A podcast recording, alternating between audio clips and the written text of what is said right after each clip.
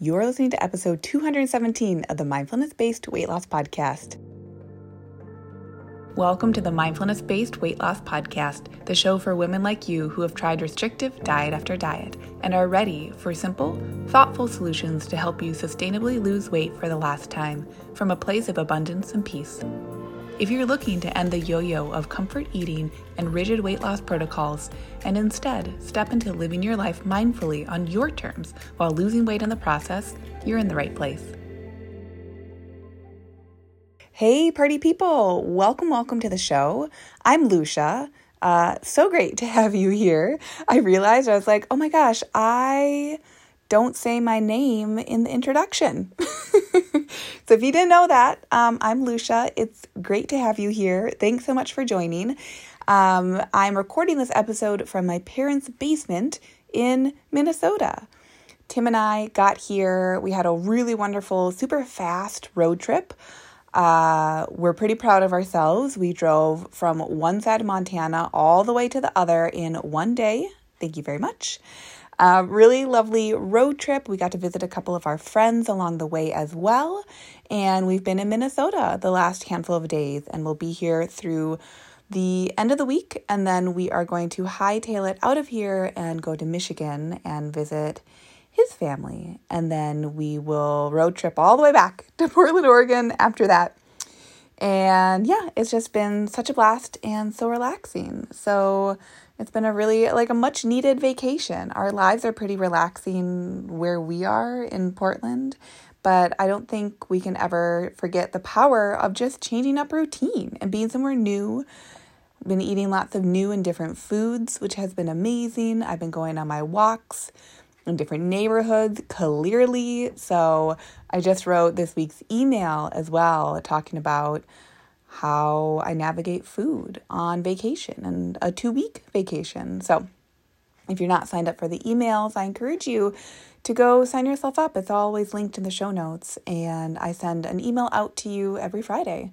And I just talk about either what's going down with me, something that is useful that I think you might need to hear this week, similar to the podcast, just thoughts and ideas and what I'm noticing in the world at large, in community, with clients, um, all that good stuff, you know? We just we just talk here, we chat, and the same thing happens in the weekly Friday newsletters as well. So go sign yourself up for that if you haven't already.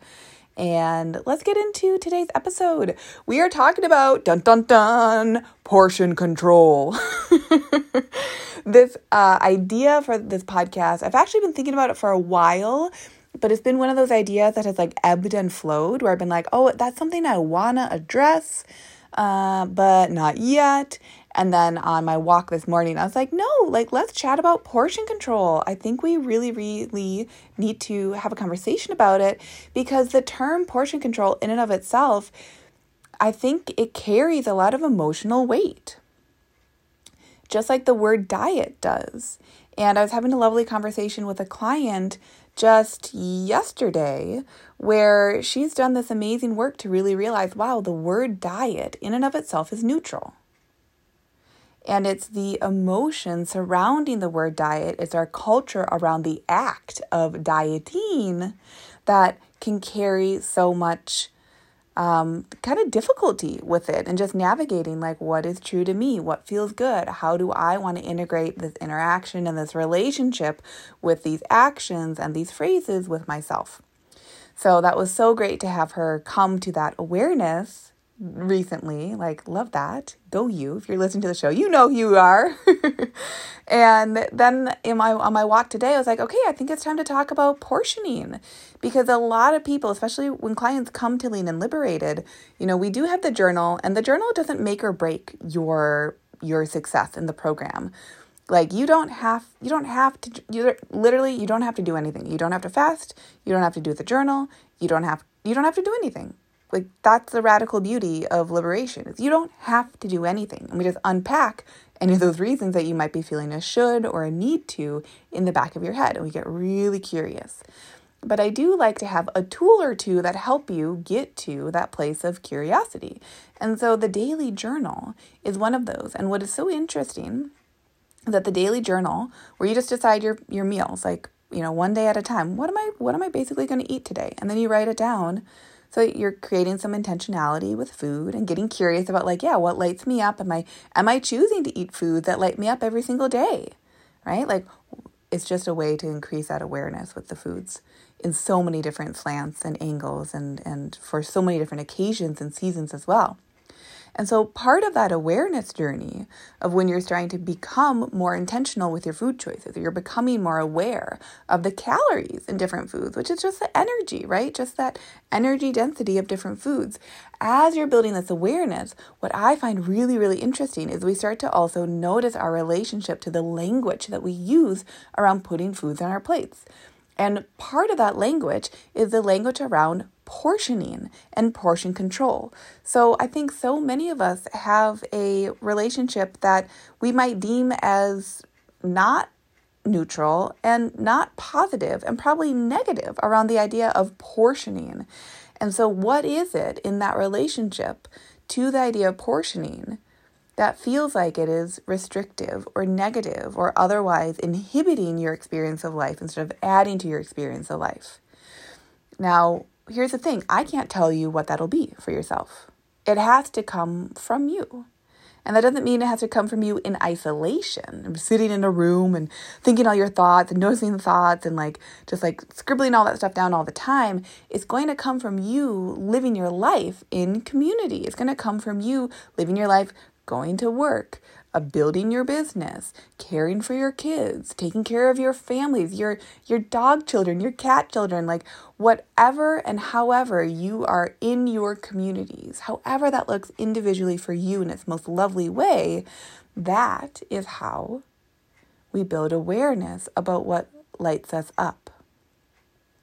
And I really believe that the whole conversation around weight and weight being a struggle or weight being something that we think we should look a different way or we think we should act a different way. And then we're mad when we somehow don't do that or it's not happening. A lot of this process is simply an awareness process coupled with leveraging time of us or you or whoever living our lives one day at a time. And so, with the daily journal, then coming back to that, what can be really interesting is noticing the two things. Number one, noticing, and then this is like for you just to notice for yourself, whether you're new to the podcast or you've been listening for a long time, just notice as you're building your intentionality with your food choices. It's not about being like super inflexible right? We have a whole episode on planning flexibility and like being flexible in your food plans. It's not about trying to like manipulate yourself out of having spur of the moment choices, it really is about saying, oh, I'm in the driver's seat here. And as I build confidence with that, as I start to see, oh, I, I can flex the muscle of my own inherent confidence about how I am in, in relationship with all the different foods, processed to unprocessed, planned to unplanned, all that stuff. There will come a time where you will start to notice, oh, wow, I am in charge of the relationship I have with portions and even the phrase portion control. Now, I don't really believe this is my part of my values and yours might be different. I don't really believe that controlling ourselves works very well. I don't really believe that like to get something that you want that you're going to need a bunch of discipline to get there. Like that to me is a fast track to burnout, exhaustion, overwhelm, and quite frankly, rebellion. and I know a handful of you who listen to the show self identify as rebels. I've had clients in the past who've been like, why do I rebel against myself? I tell myself I want one thing, and then months go by and I realize I'm doing the exact opposite. Why is that? Probably because on some level there's some sort of internal dialogue around trying to be more disciplined or be something that you're not or to control yourself. And so I don't really find the term portion control super liberating. I don't personally have a trigger with it. And I do think it can be very liberating to dig into your relationship with the idea of portions because that is going to be part of weight loss because it is part of weight gain and because it is part of weight maintenance. We just have different relationships with the different levels of portions that align with any of those different slants. So, using, if I go back to the journal, using the journal, it isn't about giving yourself perfect portion control, not at all. It's about saying, oh, I am in charge. I don't have to control myself, but I'm really curious about what happens when I keep practicing showing up with awareness and curiosity and compassion for myself what a lot of people find is that the portions then start to become more neutral, where it really is saying, like, oh, I don't have to do a die hard, super strict, restrictive, like literally take out a bunch of different foods from my diet in order to lose weight. All I might need to do is to simply play around with the portions that I'm offering myself. And let me tell you, that is a really different energy than saying, oh my God, I can only ever have one slice of pizza and I better have at least half a plate or more of salad next to it. And if I don't do that, then I must be bad. I must be wrong. I'm not doing this right. And I'm just going to say, screw it and really take a break from this mentality over the weekend. And that reinforces a whole entirely different cycle, which for many of you listening to this podcast is a cycle that you want to be exiting the way you exit that cycle, which is basically the dieting cycle, right? The you get a case of the effets and then Monday comes around and you start to like get yourself back in line. The way you dissolve the lines or the way you say there's not even a wagon to be hopping on and off of anymore, and that you just say like, well, what do I like? I like let me tell you, you can lose weight eating pizza. Just like you can maintain weight eating pizza just like you can gain weight eating pizza. So, really ask yourself what are the stories around these foods that are creating a difference between my body, like my assumption of what my body can do? I think most of us assume, okay, my body can gain weight when I eat pizza. I think some of us can get to the place of, oh, I can maintain weight and sometimes eat pizza. And I think a lot of us really don't believe, oh, I can eat pizza and lose weight. But if you were to just give yourself the space, time, and energy to say, well, of course I can gain weight eating pizza in exactly the same way I could lose weight eating pizza, what would your answer be? Where it isn't never eat pizza again. If you take a little bit of time with that, more times than not, what it's going to boil down to is oh, it's going to be the portion of pizza. And that is inherently neutral, just like at the beginning of the episode when I was talking about the word diet right? My client's lovely epiphany. Diet is neutral.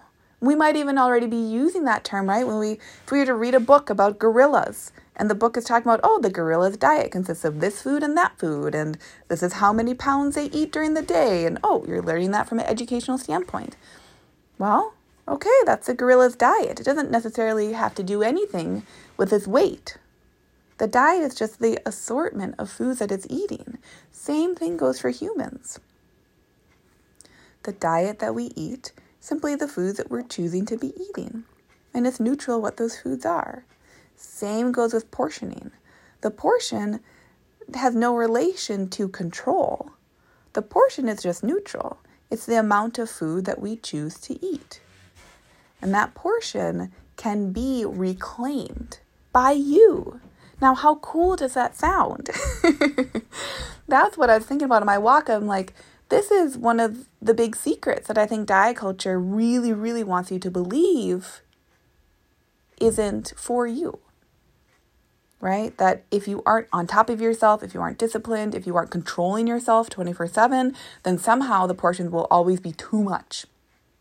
And we all know at this point that identifying with that is is part of diet culture's to me it's kind of like diet culture's ploy whether it knows it or not because diet culture just wants to sell and that's fine right? We can even allow that to be more neutral as we're doing this work and that's the subject i say this often but that's a subject for a different day. This week i just want you to be thinking about man what is my relationship with portions? Do i have a relationship with portion portion control? Do i have a relationship with other words do I even allow myself to come up to that language? Do I notice? Do I shut down? Is it something I would like to be addressing and looking at? When I'm in and living from my values, how do I engage with portioning? What does that version of myself do? Would I like to practice being that version of myself who feels X, Y, and Z, right? In alignment with my values, whatever those might be specifically for you Do I feel aligned with my values? And then can I get curious about what my language would be around my portioning from that place? Ooh, that is such a powerful conversation, my friend. I want you to be thinking about that this week. Play around with them. It gets to be, I'll say this time and time again, it gets to be for you, by you. And truly, when this process is for you, by you, the rush disappears because it stops being that rat race, because it stops being about your identity and who you are. All that stuff, like that pressure just gets taken off. You get to see, oh, it's going to be about some food on my plate and what I eat and what I like, maybe what I don't like, and how much of that supports me in the direction that I want to be supported in. Literally, it can be like that for you. So that's what I want you to be thinking about this week in whatever way feels good for you. Thank you so much for being here. And if you enjoy this episode, if you enjoyed last week's episode, if there's ever been an episode you have enjoyed of this show, would you please do me a favor and hit rate and review in your podcast listening, listening app, whether it's Spotify, Apple Podcasts, wherever you are? Would you offer a rating and type a little ditty out in a review because it really goes a long way to help get this message out that weight loss is totally different than dieting. They're two separate things. And if you would like weight loss in your way from your values, that is so radically here for you and you can do it. So, thank you. Thank you. Thank you. Thank you so much for being here. Next time you hear from me, I will be coming to you from Michigan. And until then, have such a lovely week. Bye. Hey, if you love today's show, I'd love for you to take a minute and give a rating with a review. If you too are ready for more women to make life choices from loving mindfulness, that means we need more women listening to this message so they know it's available to them and they can do it too. And if you're ready yourself, come join Lean and Liberated, where we'll work together and you'll learn how to take this process to the next level in your weight loss goals, life desires, and beyond go to luciahawley.com. That's L U C I A H A W L E Y.com to connect.